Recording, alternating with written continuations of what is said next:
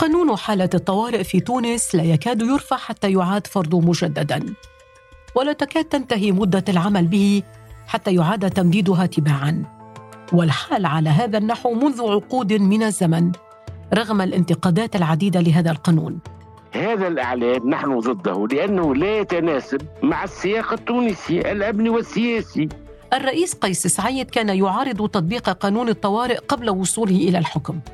وها هو الآن يفرض تطبيقه ويمدد العمل به.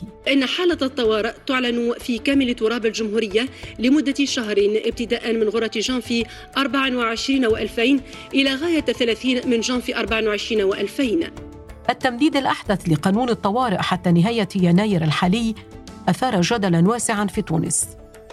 السلطات عزته إلى ضرورات أمنية ومالية. أما معارضو القانون فينفون وجود أي حاجة لتطبيقه ويعتبرون أن الغرض منه كم الأفواه وتقييد الحريات هو الرئيس إذا حاليا البلاد تحكم بقبضة من حديد إذا ليسوا بحاجة إلى قانون طوارئ فما هو هذا القانون وما المآخذ عليه؟ لماذا يعاد استخدامه بشكل شبه مستمر؟ وهل من بديل عنه ينهي الجدل بشأنه؟ أنا أنا عبد المسيح وهذا بودكاست زوايا من سوا بودكاست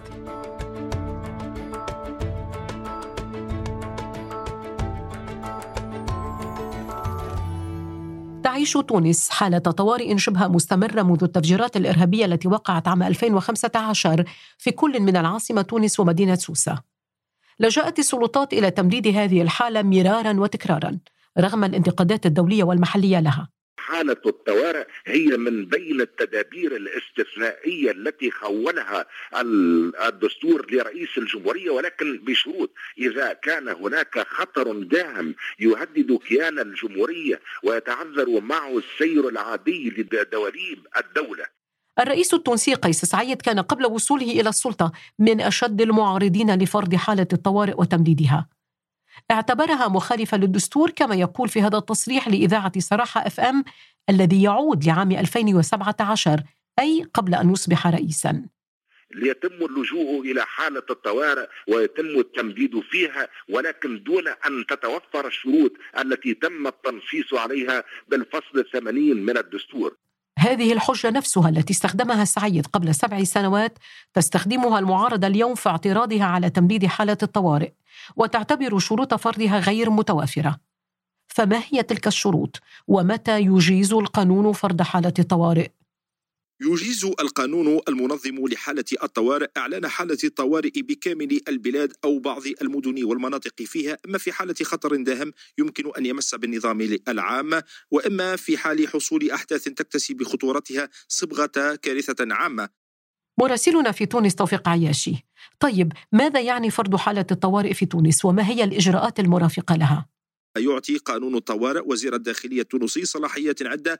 أهمها وضع الأشخاص تحت الإقامة الجبرية وتحجير الاجتماعات وحظر التجول وتفتيش المحلات ليلا ونهارا ومراقبة الصحافة والمنشورات والبث الإذاعي والعروض السينمائية والمسرحية دون وجوب الحصول على إذن مسبق من القضاء. كما يعطي الوالي أي المحافظ صلاحية استثنائية واسعة مثل فرض حظر التجوال على الأشخاص والعربات ومنع الإضرابات العمالية. توفيق حدثنا عن المرة الأولى التي أعلنت فيها حالة طوارئ في تونس. لجأت السلطات إلى إعلان حالة الطوارئ عقب بعض الأحداث المتفرقة التي عاشتها البلاد وأول مرة يتم إعلان حالة الطوارئ فيها في شهر يناير من عام 1978 فيما يعرف بأحداث الخميس الأسود التي انطلقت باحتجاجات نقابية أعلن على إثرها الإضراب العام من قبل الاتحاد العام التونسي للشغل وانتهت بمواجهات دموية بين قوات الشرطة والجيش وبين المتظاهرين مما أسفر عن مقتل أكثر من 400 شخص ماذا حصل لاحقا؟ هل احتاجت السلطات فيما بعد لإعادة فرض حالة الطوارئ؟ نتذكر كيف أن انتفاضة الخبز عام 84 دفعت السلطات لفرض حالة طوارئ ثم بعد انقلاب نوفمبر عام 87 حين تولى الرئيس زين العابدين بن علي الحكم بعد إزاحته بورقيبة. إلى أن أعيد فرض حالة الطوارئ عام 2011 حين قرر الرئيس السابق بن علي فرضها عقب ما يعرف بثورة الياسمين التي أطاحت لاحقا بحكمه. وفي شهر مارس من عام 2015 أعلن الرئيس الباجي قائد السبسي أعلن حالة الطوارئ من جديد إثر حادثة تفجير حافلة تقل عناصر من الأمن الرئاسي من قبل عنصر إرهابي ليتواصل تمديد حالة الطوارئ دوريا إلى اليوم. إذا حالة الطوارئ تستخدم في حال وجود خطر داهم أو أحداث أمنية كما أنت ذكرت. ما هو الخطر الحالي الذي استدعى تجديد حالة الطوارئ حتى نهاية شهر يناير؟ تمديد الرئيس قيس سعيد لحالة الطوارئ لمدة شهر آخر. هو استمرار لحالات تمديد سابقة وتتضرع السلطة باحتمال وجود تهديدات تستهدف أمن الدولة الداخلي والخارجي سيما بعد اعتقال عدد من القيادات السياسية منذ شهر فبراير الماضي ووجهت إليهم تهم التآمر على أمن الدولة وإعداد مخطط لقلب نظام الحكم. واختيار مدة شهر تحديدا للتمديد في كل مرة هو للتأكيد على أن حالة الطوارئ استثنائية ويمكن رفعها في أي وقت وذلك كرسالة طمأنة للرافضين لأحكام الطوارئ من منظمات حقوقية محلية ودولية ما الأسباب التي تستند إليها المنظمات الحقوقية محلية أو دولية في رفضها للإجراءات المرافقة لحالة الطوارئ؟ المنظمات الحقوقية ترى أن أحكام حالة الطوارئ تنسف منظومة الحريات وحقوق الإنسان وتعطي السلطة التنفيذية مظلة لتقييد الحريات ووضع أشخاص في السجن أو في الإقامة الجبرية دون محاكمة ومنع الاجتماعات وإلغاء حق التظاهر أعطيك مثالا المنظمة العالمية لمناهضة التعذيب وهي تحالف دولي لمنظمات غير حكومية اعتبرت في تقريرها حول تدابير المراقبة الإدارية التابعة لوزارة الداخلية التونسية في إطار سياسة مكافحة الإرهاب أن هذه التدابير اعتباطية دمرت حياة الأشخاص الخاضعين لها وأنها غير قانونية وغير دستورية ولا تتوافق مع معايير حقوق الإنسان. ولذلك تتخوف المنظمات الحقوقية من أن يصبح تطبيق حالة الطوارئ والإجراءات المرافقة له مقدمة لفرض نظام استبدادي. وتجدر الإشارة أنه ورغم سريان حالة الطوارئ في البلاد لمدة أعوام إلا أن جل أحكامها غير مطبقة حيث لم يمنع التظاهر إلا في حالات ومراحل نادرة وتم اللجوء إليها في مناسبات قليلة لوضع أشخاص قيد الإقامة الجبرية كما حدث عام 2016 عندما أعلنت حكومة يوسف الشاهد وضع عدد من المتهمين بالفساد قيد الإقامة الجبرية. هذه الشوائب في القانون قانون حالة الطوارئ ألم يتم تعديلها على مدى السنوات حتى تصبح أكثر انسجاما مع الدستور؟ في الواقع جرت محاولات. الرئيس الراحل الباجي قائد السبسي قدم مبادرة تشريعية عام 2018 لقانون أساسي ينظم حالة الطوارئ في البلاد لكن مبادرته تضمنت أيضا نصوصا تتعارض مع حقوق الإنسان ومع المبادئ العامة لدستور البلاد ودار نقاش عام بشأنه وتفاعلت المنظمات الوطنية والدولية مع نص المشروع. لكن رغم ذلك فإن الأغلبية النيابية آنذاك بقيادة حركة النهضة ذات الخلفية الإسلامية أرجع النظر في المشروع ليتم فيما بعد نسيانه وإنهاء النقاش حول سن قانون أساسي يحل محل الأمر الرئاسي المنظم لحالة الطوارئ ولابد من أن أشير أيضا إلى أن منظمات المجتمع المدني تقدمت بدورها في إبريل نيسان من عام 2019 برسالة مفتوحة إلى مجلس نواب الشعب تطالب بتعديل قانون حالة الطوارئ التونسي بما يحترم حقوق الإنسان. حالة الطوارئ باتت أشبه بالوضع الطبيعي في تونس لأنها تمدد باستمرار منذ عام 2015 إلا أن هذا الوضع لا يزال مرفوضا من قبل المعارضة والجهات الحقوقية بشكل خاص. لأنه لا يتناسب مع السياق التونسي الأمني والسياسي. البلاد لا تشهد الآن لا عمليات إرهابية كبرى ولا احتجاجات اجتماعية ولا تهديد للأمن العام ولا شيء. ونحن ضده لأن هذا القانون يتعارض مع العهد الدولي للحريات المدنية والسياسية الصادر سنة 1966 الذي حدد الشرط الأساسي لفرض حالة طوارئ ووجود خطر عام واستثناء يهدد وجود الأمة.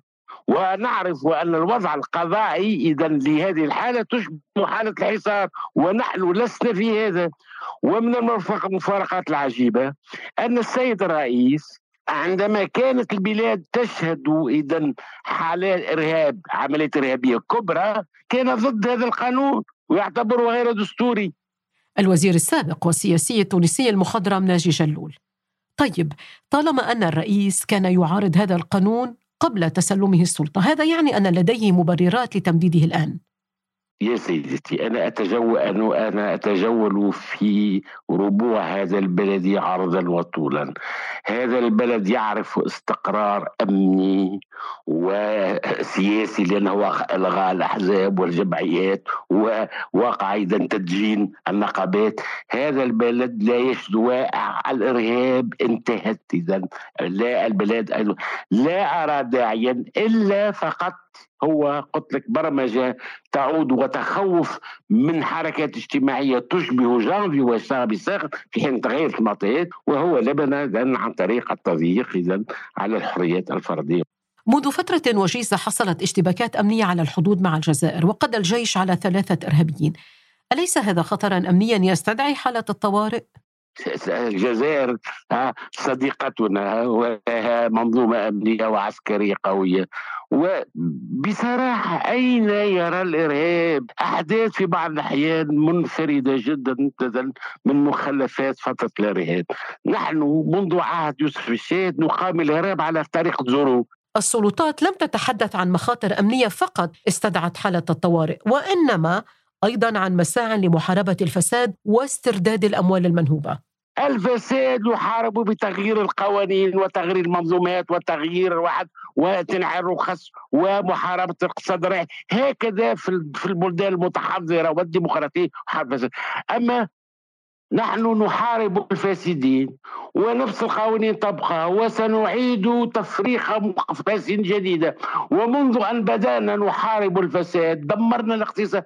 جرب الأخوة في المغرب هذا الطريق محارب الفساد. و أضر إذا ما يسمى محارب الفساد اليوم المتضرر الكبير والكبير والكبير هو الاستثمار في تونس. نحن اليوم الاستثمار العمومي معطل والاستثمار الخاص معطل والاستثمار الخارجي معطل. ما سنجنيه من هذا القانون الواحد هو فقط أن السياحة ستتضرر. سمعة تونس لأن في الخارج بلدان ديمقراطية في أوروبا عندما يسمعون بقانون الطوارئ يتصورون البلاد يعيش في حرب أهلية يعني هذا بلد يعيش من السياحة ويعيش من واجهاتي ويعيش من سمعيتي ويعيش على وقع إذا أول ديمقراطية في العالم العربي. كل هذا مهدد اليوم مهدد وبشكل جدي إذا. نحن نعيش في تونس هنالك إيمان عميق لدى الشعوب لدى الناس عند تونس بأن الديمقراطية لم تعد طريقة للتغيير وبأن الديمقراطية جلبت لهم الفقر والحرمان والجوع والبطالة. ناجي جلول كيف أثر التمديد المتكرر لقانون الطوارئ في تونس على العمل السياسي والإعلامي والحريات بشكل عام؟ إلى حد الآن الناس إذا لك رجال أعمال يسجنون لك سياسيين يسجنون لك نقابين يسجنون لك صحافي سجن. إذا من أجل كلمة تستعمل في العامية التونسية. إذا هنالك تدجين شيئا فشيئا اذا الاعلام إذا ما ربحناه من الثورة هو حرية الاعلام واليوم هناك تدجين الاعلام تدجين واضح وجري وواضح. اليوم أنا كمحسوب على المعارضة ولا لا أحب هذه الكلمة لا تقريبا لا يقع استدعاء إذا للإعلام العمومي. إذا أصبحنا لنا إعلام حكومي. يعني سيعطيك الناس حالة الخوف التي يعيشها الناس في هذا البلد من رجال أعمال وصحفيين وسياسيين وإلى غير ذلك. وهذا القانون يعني يزيد الطين بلة ويدعم هذا الشعور لدى التونسي بأن مجال الحريات يضيق كل يوم. كيف يمكن لتونس أن تتجاوز هذا الجدل المستمر منذ سنوات بشأن فرض حالة الطوارئ؟ نحن بحاجة إلى إعادة ترميم الوحدة الوطنية. نحن بحاجة لخروج الناس من السجن. نحن بحاجة إلى عودة القضاء ليلعب دوره. نحن بحاجة لعودة الاستثمار الخارجي والداخلي. نحن بحاجة إلى إذا المنوال التنمية نحن بحاجة إلى بناء مؤسسات قوية. برلمان قوي ليس هذا البرلمان الذي يمثل 10% من التونسيين. بناء بناء المؤسسات إعادة الحياة البلديات التي وقع حلها. إعادة الحياة الديمقراطية المحلية. يعني نحن بحاجة إلى الخروج من عقلية التعيين بالولايات. النهضة عينت إذا بالولاء أناس في مناصب كبرى الدولة لا يستحقون. عدنا اليوم إلى التعيين بالولايات. نحن بالحاجة إذا بنا الكف عن هتك أعراض الناس في إذا الفيسبوك. اليوم عدنا إلى هتك أعراض الناس في فيسبوك. نحن بحاجة إلى إذا أتحذر. نحن بحاجة إلى حياة سياسية سليمة مثل ما كانت بعد الثورة أيضا صادقت لجنة التشريع العام في مجلس النواب التونسي خلال الشهر الجاري على مشروع قانون يتعلق بتنقيح مرسوم الصلح الجزائي وتوظيف عائداته في إطار المساعي لاستعادة الأموال المنهوبة من الدولة. الصلح الجزائي يهدف لتسوية الأوضاع القانونية للمتهمين بالفساد وإلغاء الدعاوى العمومية ضدهم وما استتبعها من عقوبات من بينها السجن مقابل أن يدفعوا مبالغ مالية أو ينجزوا مشاريع وطنية بحسب الحاجة. فهل تنهي تسوية من هذا النوع حالة الطوارئ؟ أو أن الحجة الأمنية ستفرض هذا الإجراء الاستثنائي كأمر عادي في تونس؟ كان هذا بودكاست زوايا من سوا بودكاست من إعداد وكتابة أنا عبد المسيح. مراجعة وتدقيق مينيرفا داغر. مكساج ميراس عريان. إشراف سوا بودكاست محمد فاروق عبد الرحمن وأنا أنا عبد المسيح. إذا أعجبكم ما نقدمه الرجاء الاشتراك وتقييم الحلقات على منصات الاستماع للبودكاست. وأرسلوا لنا تعليقاتكم واقتراحاتكم على منصات التواصل الاجتماعي. نلتقي في موضوع جديد في بودكاست زوايا الأسبوع المقبل.